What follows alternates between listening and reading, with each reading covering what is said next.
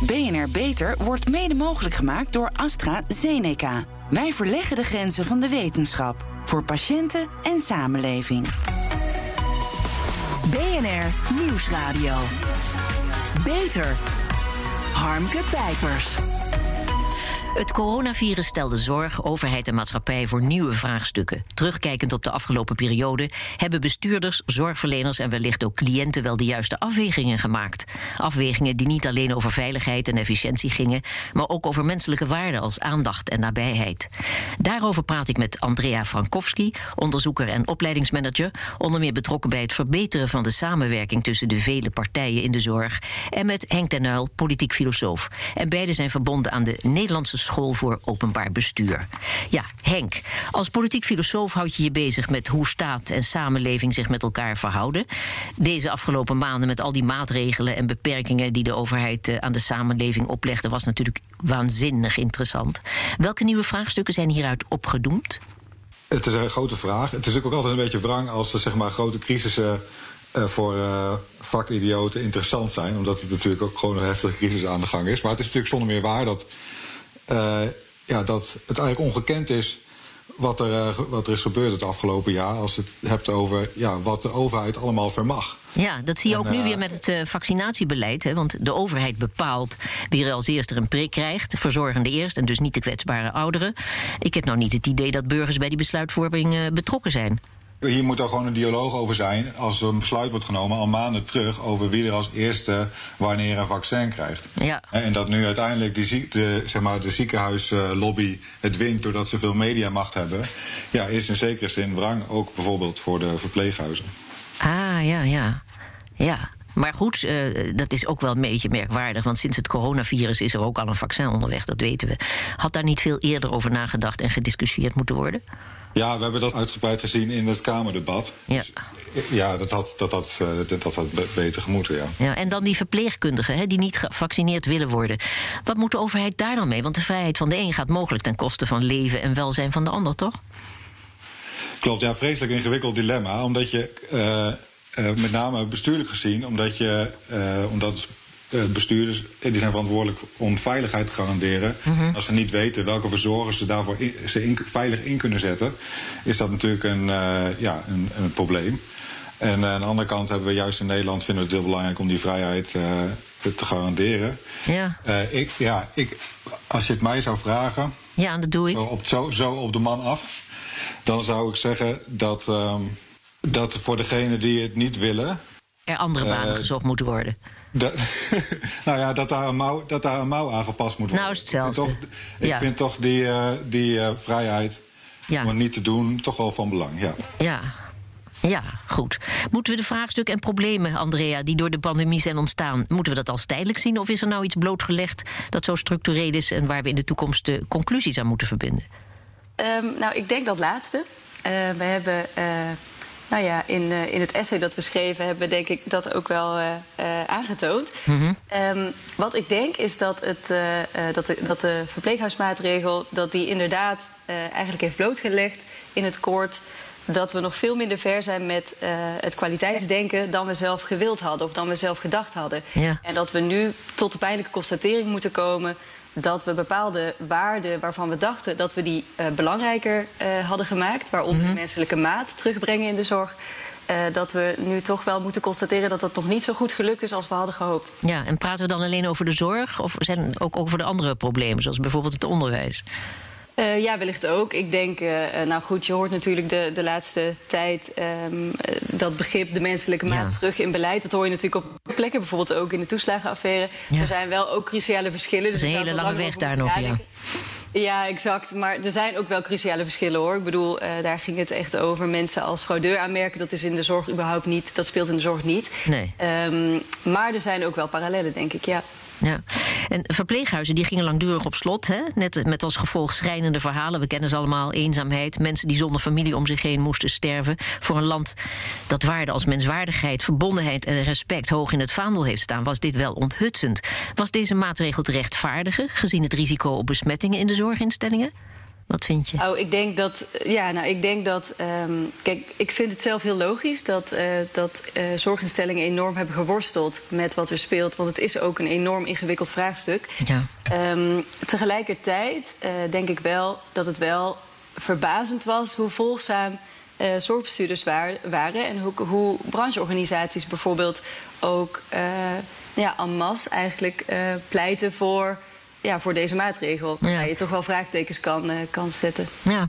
Henk, ehm, eh, een citaat. Eh, verpleeghuiszorg moet aansluiten bij de wensen en mogelijkheden van cliënten met warme betrokkenheid van familie en naasten. En door vakbekwame, hoogwaardig opgeleide en gemotiveerde zorgverleners worden verleend. Dat stelt het beleidsprogramma Waardigheid en Trots uit 2015. Ja, die waardigheid en trots. Hoe denk je daarover na dit afgelopen voorjaar? Ja, mooie woorden. Eh, Maar, maar, maar, het- maar misschien toch weinig om het lijf als het erop aankomt. ja. Ehm, ja, ik denk, ik denk eigenlijk is het. voor de meeste mensen die in een verpleeghuis komen, is het eigenlijk eh, eh, in zekere zin vrij simpel. Het is namelijk het laatste stadium voordat je sterft. ja. Dus die Ja. waardigheid hangt eigenlijk vooral samen met het, met, ja, met het, met het sterven. Ja, uit cijfers En, van het eh, RIVM eh, in juni bleek al dat ruim 2800 mensen, ruim 2% van de totale populatie in verpleeghuizen zijn overleden. En de overheid zei: de boel moet op slot. Het leek wel of iedereen klakkeloos deed wat de overheid zei. Hè? Waren de bestuurders en masse de belangen van hun cliënten vergeten? Hoe zat dat? Ja, nou, ja, ja ik, ben, ik ben benieuwd wat er dan in al die eh, hoofden rond is gegaan van die bestuurders. ik, ik, en ik denk ook eerlijk gezegd dat, dat, ze daar, ja, dat ze daar niet makkelijk mee hebben gehad. Maar ik heb me er wel over verbaasd. Ik met name ook hoe stil het is gebleven. eh, rondom deze, deze, dit besluit, zowel van brancheorganisaties, maar ook van bestuurders. Er zijn wel enkele bestuurders die, wel- die in de media wat hebben gezegd. En, en, eh, maar echt eh, luidkeels van nee, dit kan je niet maken, is eigenlijk niet gekomen. Terwijl de, eh, zeg maar, dat, het simpele idee dat je, dat je het laatste wat je ziet als sterven mens een paar eh, mensen in witte pakken, in maanpakken Ja. zijn, zoals Inge Borghuis dat mooie zei op tv, bestuurder van Amstelring. Ja. Ja, dat kan toch eigenlijk niet waar wezen? Nee, maar Dat- Andrea, er was geen enkele bestuurder die zei: we doen het niet, we gaan niet op slot. Was dat nou onwetendheid, onkunde of ehm, lafheid? Tja, goede vraag. Ik denk persoonlijk niet dat het onwetendheid is. Ik denk dat bestuurders zich heel goed eh, eh, ja, kunnen verdiepen in hun cliënten en in, in, ook in zorgmedewerkers. Ik denk niet dat dat het is. Ik denk wel dat het enorm lastig is op het moment eh, dat er een, een enorme ja, crisis van ongekende omvang is, om dan het moedige besluit te nemen om tegen de stroom in het anders te doen. Omdat je denkt Ja. dat dat in het beste belang is van je cliënt. Nou ja, dat is, achteraf is het ook, Ja. ook makkelijk praten. Want waren er alternatieven? Had het anders aangepakt kunnen worden? Heb je daar idee over? Nou, ik denk wel, kijk, ten tijde van de eerste golf speelde wel een andere situatie dan nu. In die zin dat er ook hele regio's waren waar nog geen, of, of geen enkele besmetting had plaatsgevonden of nauwelijks besmettingen. En ik denk wel in het licht van die situatie dat een heleboel bestuurders wel zich achter de oren hadden mogen krabben van kunnen wij, ehm, kunnen wij de- deze maatregel zo nemen. En zeker ook gelet op de duur van, van hoe lang die eerste, nou ja, als het ware lockdown van de verpleeghuizen duurde. Dus echt vanaf maart tot juni, dus, eh, tweeënhalve maand, eh, mensen, het menselijk contact met hun eh, naasten onthouden. Ja. Dat is toch wel echt heftig. Ja, want Henk, het is de taak van de overheid natuurlijk om de publieke gezondheid op collectief niveau te waarschuwen, hè, te waarborgen. Ja, dan is het toch logisch dat individuele belangen daaraan ondergeschikt worden gemaakt, of niet? Nou, nee, zeker niet. Of in elk geval niet automatisch, omdat het eh, nou juist erom gaat dat die eh, eh, overheid ervoor is. Niet alleen voor volksgezondheid, maar voor allerlei dingen, zoals bijvoorbeeld de vrijheid van burgers. Ja. Dus heel, als er heel snel, op het moment dat je, dat je zeg maar, besluiten gaat nemen in zo'n crisis, kom je, op, kom je natuurlijk ja, in dat spanningsveld eigenlijk terecht. Dus het is zeker niet zo dat het individuele belang zomaar achter dat van het collectieve belang gaat. Dat is eigenlijk een permanent afwegen. Ja. André, het leek wel of zorgbestuurders en zeker cliënten geen enkele inbreng hadden hè, in de besluiten van de overheid. Maar was maatwerk in een urgente crisis zoals deze, was dat mogelijk geweest? Ehm, nou, dat is natuurlijk ook een vraag, een hele goede vraag. Ik denk eigenlijk zelf dat een andere vraag eh, hier ook relevant is. En dat is eh, waarom we ehm, cliënten in, eh, in verzorgingshuizen anders behandelen dan Ja. zeg maar de gewone burger die in een privé-situatie woont, in een gewoon eigen woning. Uh, en we hebben, ik bedoel, in, um, nou ja, daar, daar geldt gewoon bepaalde autonomie en bepaalde keuzevrijheid, een bepaalde eigen verantwoordelijkheid. Dus bijvoorbeeld of je zelf uh, wel of niet de kapper bezoekt en of je wel of niet andere mensen uitnodigt om op bezoek te komen. Um, dat, dat zit allemaal in de eigen verantwoordelijkheid. Maar ja. vreemd genoeg hebben we daarvoor voor verpleeghuisbewoners andere regels voor. Ja, want uh, mensen de mogelijkheid geven zelf te beslissen. Dat brengt dus ook dilemma's met zich mee, dat noem je al. Maar uh, bijvoorbeeld, kon je als oudere bijvoorbeeld mee naar het kerstdiner met de familie... als je daarna weer in een omgeving met heel veel kwetsbare mensen kwam... wat is fijn voor de cliënt maar niet veilig en verantwoord voor anderen. Dat zijn toch ook onmogelijke dilemma's voor verzorgenden? Ja, dat klopt. Het is zeker ook uh, het individu versus het collectief. Tegelijkertijd denk ik dat die ook in de samenleving buiten de verzorgingsinstellingen om net zo goed spelen. Dus daar spelen ook individuele en collectieve afwegingen. En natuurlijk, als je als zorgbestuurder verantwoordelijk bent voor die collectiviteit en om de uh, nou ja, ook om de, um, uh, de veiligheid van een heleboel mensen te waarborgen, dan snap ik wel dat je gevoelig bent voor die druk. BNR Nieuwsradio. Beter. Harmke Pijpers. De verpleeghuiszorg lijkt in de coronacrisis gereduceerd tot vooral een medisch vraagstuk waarin het in leven houden van mensen centraal staat. Het ondersteunen van een waardig bestaan is daarbij op de achtergrond geraakt. Al dus mijn gasten Andrea Frankowski en Henk ten Uil. Beide verbonden aan de Nederlandse School voor Openbaar Bestuur in een boeiend essay over ethiek in tijden van corona. Ja, Henk, kwaliteit van zorg, kwaliteit van leven voor cliënten. De opvatting over wat die kwaliteit inhoudt is de afgelopen decennia flink veranderd. Hoe heeft zich dat ontwikkeld volgens jou? Uh, ja, dat is eigenlijk, denk ik, uh, grofweg begonnen in de jaren zeventig. Toen kwam er heel, heel sterke kritiek vanuit uh, uh, een aantal filosofen, Foucault en ook Ivan Illich, een, een, ja. een Mexicaanse priester. En, hij, en zij verzetten zich eigenlijk tegen de dokter. He, men keek in die tijd heel erg op tegen de dokter. En de dokter die bepaalde wat goed voor je was. En ik denk dat dat, dat was stevige kritiek. En ik denk in, laten we zeggen, vanaf 2000 of 2005 uh, zie je dat er een ander soort uh, denken op gang is gekomen ja. in de zorg. Wat ze eigenlijk, ja, daar, daar, daar probeerde zich daarvan af te zetten door ja. minder. Maar... Maar wiens verantwoordelijkheid is het dan? Hè? Het ondersteunen van wat dan genoemd wordt een waardig bestaan. Is dat de politiek en de zorgverleners? Moeten er in de allereerste plaats moeten die ervoor zorgen dat goede zorg en veiligheid gegarandeerd zijn? Ja, ik heb, ik, ik, heb zelf een beetje moeite met het woord gegarandeerd. Mm -hmm. Omdat ik denk dat het een suggestie wekt die dat, eigenlijk ja. niet waargemaakt kan worden. Ja. En dat is ook in zekere zin kern van het probleem.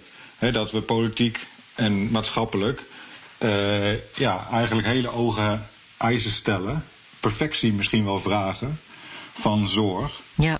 Terwijl uh, eigenlijk in die alledaagse praktijken van zorg het vaak ja, heel rommelig en weerbarstig en uh, zo goed en zo kwaad als het gaat proberen ja, voor, uh, voor je vader of moeder te zorgen die daar ja. toevallig zit. Waarom zijn zoveel zorgbestuurders zo volgzaam? Is dat nou valse bescheidenheid of kennen ze hun eigen kracht niet? Of is het luiheid, passiviteit? Vul eens aan. Nou, het is zeker geen luiheid of passiviteit, dat geloof ik echt niet. Maar ik, denk, ik, denk, ik ben zelf eigenlijk van overtuigd dat het komt doordat de. De, op papier hebben wij zijn zorgorganisaties maatschappelijke organisaties, ontstaan mm -hmm. uit particuliere initiatief. Maar in de praktijk zijn, is er eigenlijk sprake van een enorme verstatelijking van zorgorganisaties. Ja. Dus eigenlijk via allerlei veldnormen, via de macht van de brancheorganisaties, die zogenaamd hun achterban vertegenwoordigen, maar dat helemaal niet doen, want er gaat een enorme variëteit achter schuil. Heeft de overheid eigenlijk ja, heel veel macht in handen via inspecties en via allerlei regels, waardoor eigenlijk zorgorganisaties eigenlijk aan de band van de overheid lopen. En die ja. verstatelijking, die heeft gezorgd voor die volgzaamheid. Ja. De volgzaamheid is niet alleen te wijten aan het zorgsysteem, maar ook aan de manier waarop de samenleving naar de verpleeghuiszorg kijkt, zeg jij. Um, waar komt dat paternalisme, want daar gaat het over, waar komt dat vandaan? Hoe zijn we van eerbied voor grijze haren afgezakt naar het onbelangrijk maken van mensen die zorg nodig hebben en uh, ze reduceren tot doorhoud? Ja, we hebben allemaal drukke levens. En als we dan, uh, als dan we niet meer voor onze vader of moeder uh, kunnen zorgen, dan, uh, ja, dan gooien we toch een beetje over de schutting bij de zorginstelling. Mm -hmm. En vervolgens hebben we daar wel dezelfde type verwachtingen van als de zorg die wij zelf aan hen gaven. Ja. Terwijl ja, zeg maar, familiaire zorg er heel anders van aard is dan institutionele zorg. Ja. Andrea, in dit programma besteed ik regelmatig aandacht aan goede initiatieven. Ach, hoorde het toch eens. Die juist die menselijke maat weer voor het voetlicht brengen. Hè, zoals omgaan met seksuele behoeften van bewoners in zorginstellingen, inspraak voor cliënten, autonomie voor demente bejaarden. Het kan dus wel.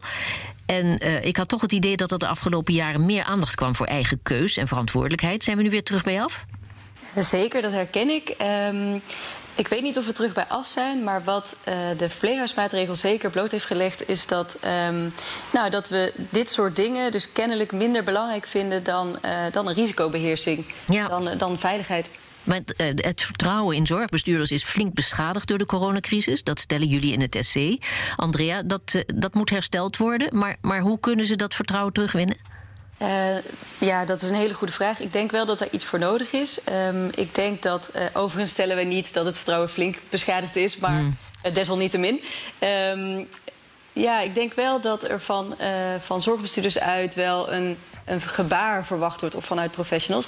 Omdat ik denk dat een heleboel ouderen, een heleboel familieleden en naasten eigenlijk van een koude kermis thuis zijn gekomen. Dat die absoluut niet hadden verwacht dat ze hun vaders en moeders, hun uh, opa's en oma's zo lang uh, niet hadden kunnen zien. En ik denk wel dat daar iets van een vertrouwenskwestie op, ja, op heeft gespeeld. waar wel um, nou ja, ik denk wel dat er geïnvesteerd gaat moeten worden in ja. het herstellen van, van die vertrouwensrelatie. En, en heeft de overheid daar een rol in? En zo ja, welke? Nou, ik denk eigenlijk dat de overheid zich daar juist uh, um, verre, van moet, uh, uh, ja, verre van moet verhouden. Dat dat nu juist het probleem was, die volgzaamheid van zorgbestuurders. Ja.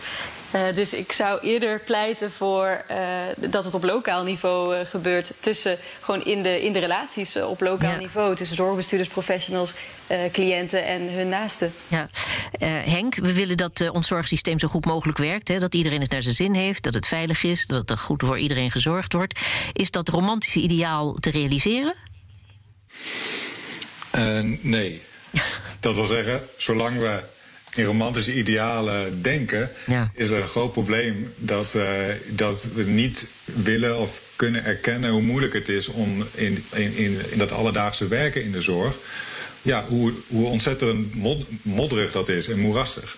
En zolang, zolang we zeg maar, in hoge perfectie, idealen en harmonie en allerlei van dat soort romantische idealen blijven hangen, dan, ja, dan is dat eigenlijk als een soort mist. Ja. Die ons eigenlijk, waardoor we ons niet goed verhouden tot ja, de hele fundamentele onvolmaaktheid in de alledaagse zorgpraktijken. Maar het ideale plaatje, de ultieme oplossing, bestaat dus niet. Maar wat is dan het best denkbare alternatief volgens jou? Uh, nou ja, dat, ja, wij geven in dat essay een aantal denkrichtingen aan. Het is natuurlijk inderdaad moeilijk, wat is dan precies het alternatief? Maar wij zeggen in elk geval van, uh, als het gaat over uh, wie mag besluiten over welke zorg wanneer wordt geleverd, mm -hmm. dan is het in ieder geval het best om dat zo laag mogelijk in de organisatie neer te leggen. En dat ook samen met, met cliënten, met ouderen, met familie zelf te doen. Ja, Andrea, wat is, wat, wat is jouw alternatief? Nou, ik sluit me aan bij, bij wat Henk zegt. Ook omdat uh, zeg maar de uh, persoonsgerichte zorg zich juist in de relatie tussen professional en cliënt um, ja, manifesteert. Dus daar zit het hem. Uh, daar valt winst te behalen. En ik denk, um, maar ik denk eigenlijk dat het, dat het hier gaat om een veel structurele probleem. Namelijk dat we in onze cultuur ook buiten de zorginstelling, zorginstellingen om... dat we inderdaad um, nou ja, ouderen op een bepaalde manier zijn gaan behandelen en gaan ja. bezien. Uh, en dat dat, uh, dat we, dus als we willen dat ouderen weer meer uh, nou, in hun waardigheid worden gelaten, zoals dat soort mooie woorden ook bepleiten, dat we dat, hen ook serieus moeten nemen en ook ja. naar hun eigen behoeften kunnen kijken. En dat begint, denk ik, met um, ja, persoonsgerichtheid. Dus wat iemand belangrijk vindt. En dus ja. niet met u moet gezond eten, dus natriumarm of gepureerd. Maar nee, wat wilt u eigenlijk? Of u moet in een rolstoel zitten, want dat, ja, omdat u anders misschien wel valt. Nee, eerder, maar eerder uitgaan van, van het tegenovergestelde daarvan. Ja. Namelijk wat iemand zelf, veel zelfbeschikking. Oké, okay. um... het is duidelijk. We zijn aan de tijd. En het klinkt al een stuk realistischer. Hartelijk dank, Andrea Frankowski en Henk ten Uil. Wilt u meer informatie over de essay die zij schreven samen met collega Wil Wiljan Hendricks? Kijk dan op onze site www.bnr.nl/slash beter. Zorgvernieuwers. In ziekenhuizen en universiteiten wordt volop gewerkt aan innovaties die het leven van de patiënt en het werk van de arts beter maken. En dit is er zeker zo een, want tientallen keren per jaar loopt iemand zo'n ernstige botbreuk van het onderbeen op dat amputeren nog de enige optie is. Traumachirurgen van het Maastricht UMC hebben door een nieuwe methode het onderbeen van zo'n ongelukkige patiënt kunnen sparen. Martijn Poeze, hoogleraar traumachirurgie, vertel over wat voor letsel, over wat voor botbreuk hebben we het hier? Uh, nou, dat is een uh, ernstig onderbeensletsel. Meestal ook een open letsel. Hè, dus er is een directe toegang tussen eh, de buitenlucht en het bot zelf. Mm -hmm. En het letsel is zo ernstig dat er dan vaak een stuk van het bot wegslaat. Ja, want er was geen andere mogelijkheid tot nu toe? nou, eigenlijk niet zo heel erg. er zijn wel een paar mogelijkheden. Maar dat is meestal dat je dan uh, meer dan een half jaar met een frame aan de buitenkant uh, moet wachten tot het bot getransporteerd is van jezelf. Ja. Um, en dat willen veel patiënten niet. En dat vergt enorm veel inspanning ook van het team, maar ook van de patiënt natuurlijk. Ja, nou wordt er een 3D geprint bot in het been geplaatst, heb ik uh, begrepen. Maar er is veel meer voor nodig om te zorgen dat dat bot ook lichaams-eigen wordt en gaat groeien. En dat is nou precies waar jullie mee aan de slag zijn gegaan, hè? Vertel. Die 3D-print die wordt aan de hand van een eh, CT-scan uh, gemaakt van het been dan van de patiënt. En daarmee kunnen we heel goed uh, uitlijnen wat voor een implantaat we moeten gaan maken. En de print die we uiteindelijk van maken, dat is een materiaal wat uiteindelijk door het bot, het lichaams-eigen bot, wordt omgezet. Er zit ook kalk in, ja. een, een, belangrijk bestanddeel van, van bot. En dat wordt uiteindelijk door de lichaamscellen van de patiënt zelf omgezet in bot. Ja. Dat brengen we tijdens de operatie brengen we dat uh, in. Ja, stamcellen, groeifactoren waarmee het bot ja. wordt geïmpregneerd, hè, zodat dat aangroeit. Ja, ja exact. Ja. Dus we nemen van het lichaam uh, tijdens de operatie uh, uit het uh, beenmerg nemen we de stamcellen weg. centrifugeren dat. Hè, dus proberen we dat in een hele hoge concentratie te krijgen. Ja, ja. En dan samen met groeifactoren ja, impregneren we eigenlijk de 3D-print met dat spul. Ja. Uh, zodanig dat uh, ja, eigenlijk een uh, vliegende start kan maken om, om nieuw bot weer te gaan laten groeien. Ja, dat is toch heel anders wakker worden uit de operatie dan hè? als je bot eraf is. nou, dat is natuurlijk een enorm dramatisch iets voor een patiënt. Ja. Als er uiteindelijk een amputatie gedaan moet worden voor zo'n patiënt. Ja. Het klinkt heel veelbelovend. Hè? Wat zijn jullie plannen? Is deze methode straks voor alle ernstige botbreuken toe te passen? Vroeg ze hoopvol. Uh, nou, in denk in principe kan je met, uh, als je een eh, CT-scan kan maken van een uh, bot en een botdefect, mm -hmm. kan je daar een print van maken. Dus in principe zijn de mogelijkheden eindeloos om een print te maken. Ja. er zullen vast wel wat beperkingen natuurlijk in zitten, maar er is niet iets, een bot wat wij in, in feite niet meer kunnen printen. Fantastisch. En infecties, is dat nog een punt? Dat is zeker een punt. Dat is na iedere operatie natuurlijk. Ja, zeker. Hè, maar we, wat we ook uh, veel moeite voor doen, ja. hè, is de, net zoals bij deze patiënt die we hebben geopereerd, uh, is, was, is dat er een infectie optreedt van tevoren. Ja. Uh, ik had al gezegd dat er een open verbinding uh, bestaat tussen de huid en het bot. Uh, en die, ja, dan is het risico op een infectie aanzienlijk. En dat treedt ook heel vaak op. Dus onze behandeling bestaat er altijd eerst uit om die infectie eigenlijk zo, ja, zo, zo klein mogelijk te krijgen. Of zelfs helemaal weg te krijgen. En daarna pas de operatie met de 3D-print. ja gaan toepassen. Van zulk nieuws uh, spring je toch een gat in de lucht, zou ik zeggen. Ja, de patiënten kunnen dat nog niet, maar binnenkort wel. Hoe lang duurt dat? Uh, nou ja, we, we, passen het nu natuurlijk al toe bij, uh, bij patiënten. Ja. Uh, dus nou is het wel zo dat dat ook voor zo'n patiënt een heel lang revalidatietraject is. Ja. deze patiënt is nu een half jaar na zijn laatste operatie. En kan nu echt goede stukken lopen met, met nog wel een stok. Maar hij kan wel uh, goed lopen inmiddels. Dus, binnenkort dat gat in de lucht. Fantastisch. Hopelijk dat gat in de lucht. Ja, hartelijk dank, Martijn Poeze. En tot zover deze uitzending van BNR Beter. Op bnr.nl slash beter is deze uitzending terug te luisteren... of on demand via de BNR-apps en Spotify. En we zijn ook op Twitter te vinden onder BNR Beter. Heeft u tips voor ons? Laat het ons weten, zijn we blij mee. Ik ben Harmke Pijpers. Ik blijf nog even binnen. Nog even. Graag tot een volgend spreekuur. BNR Beter wordt mede mogelijk gemaakt door AstraZeneca. Wij verleggen de grenzen van de wetenschap. Voor patiënten en samenleving.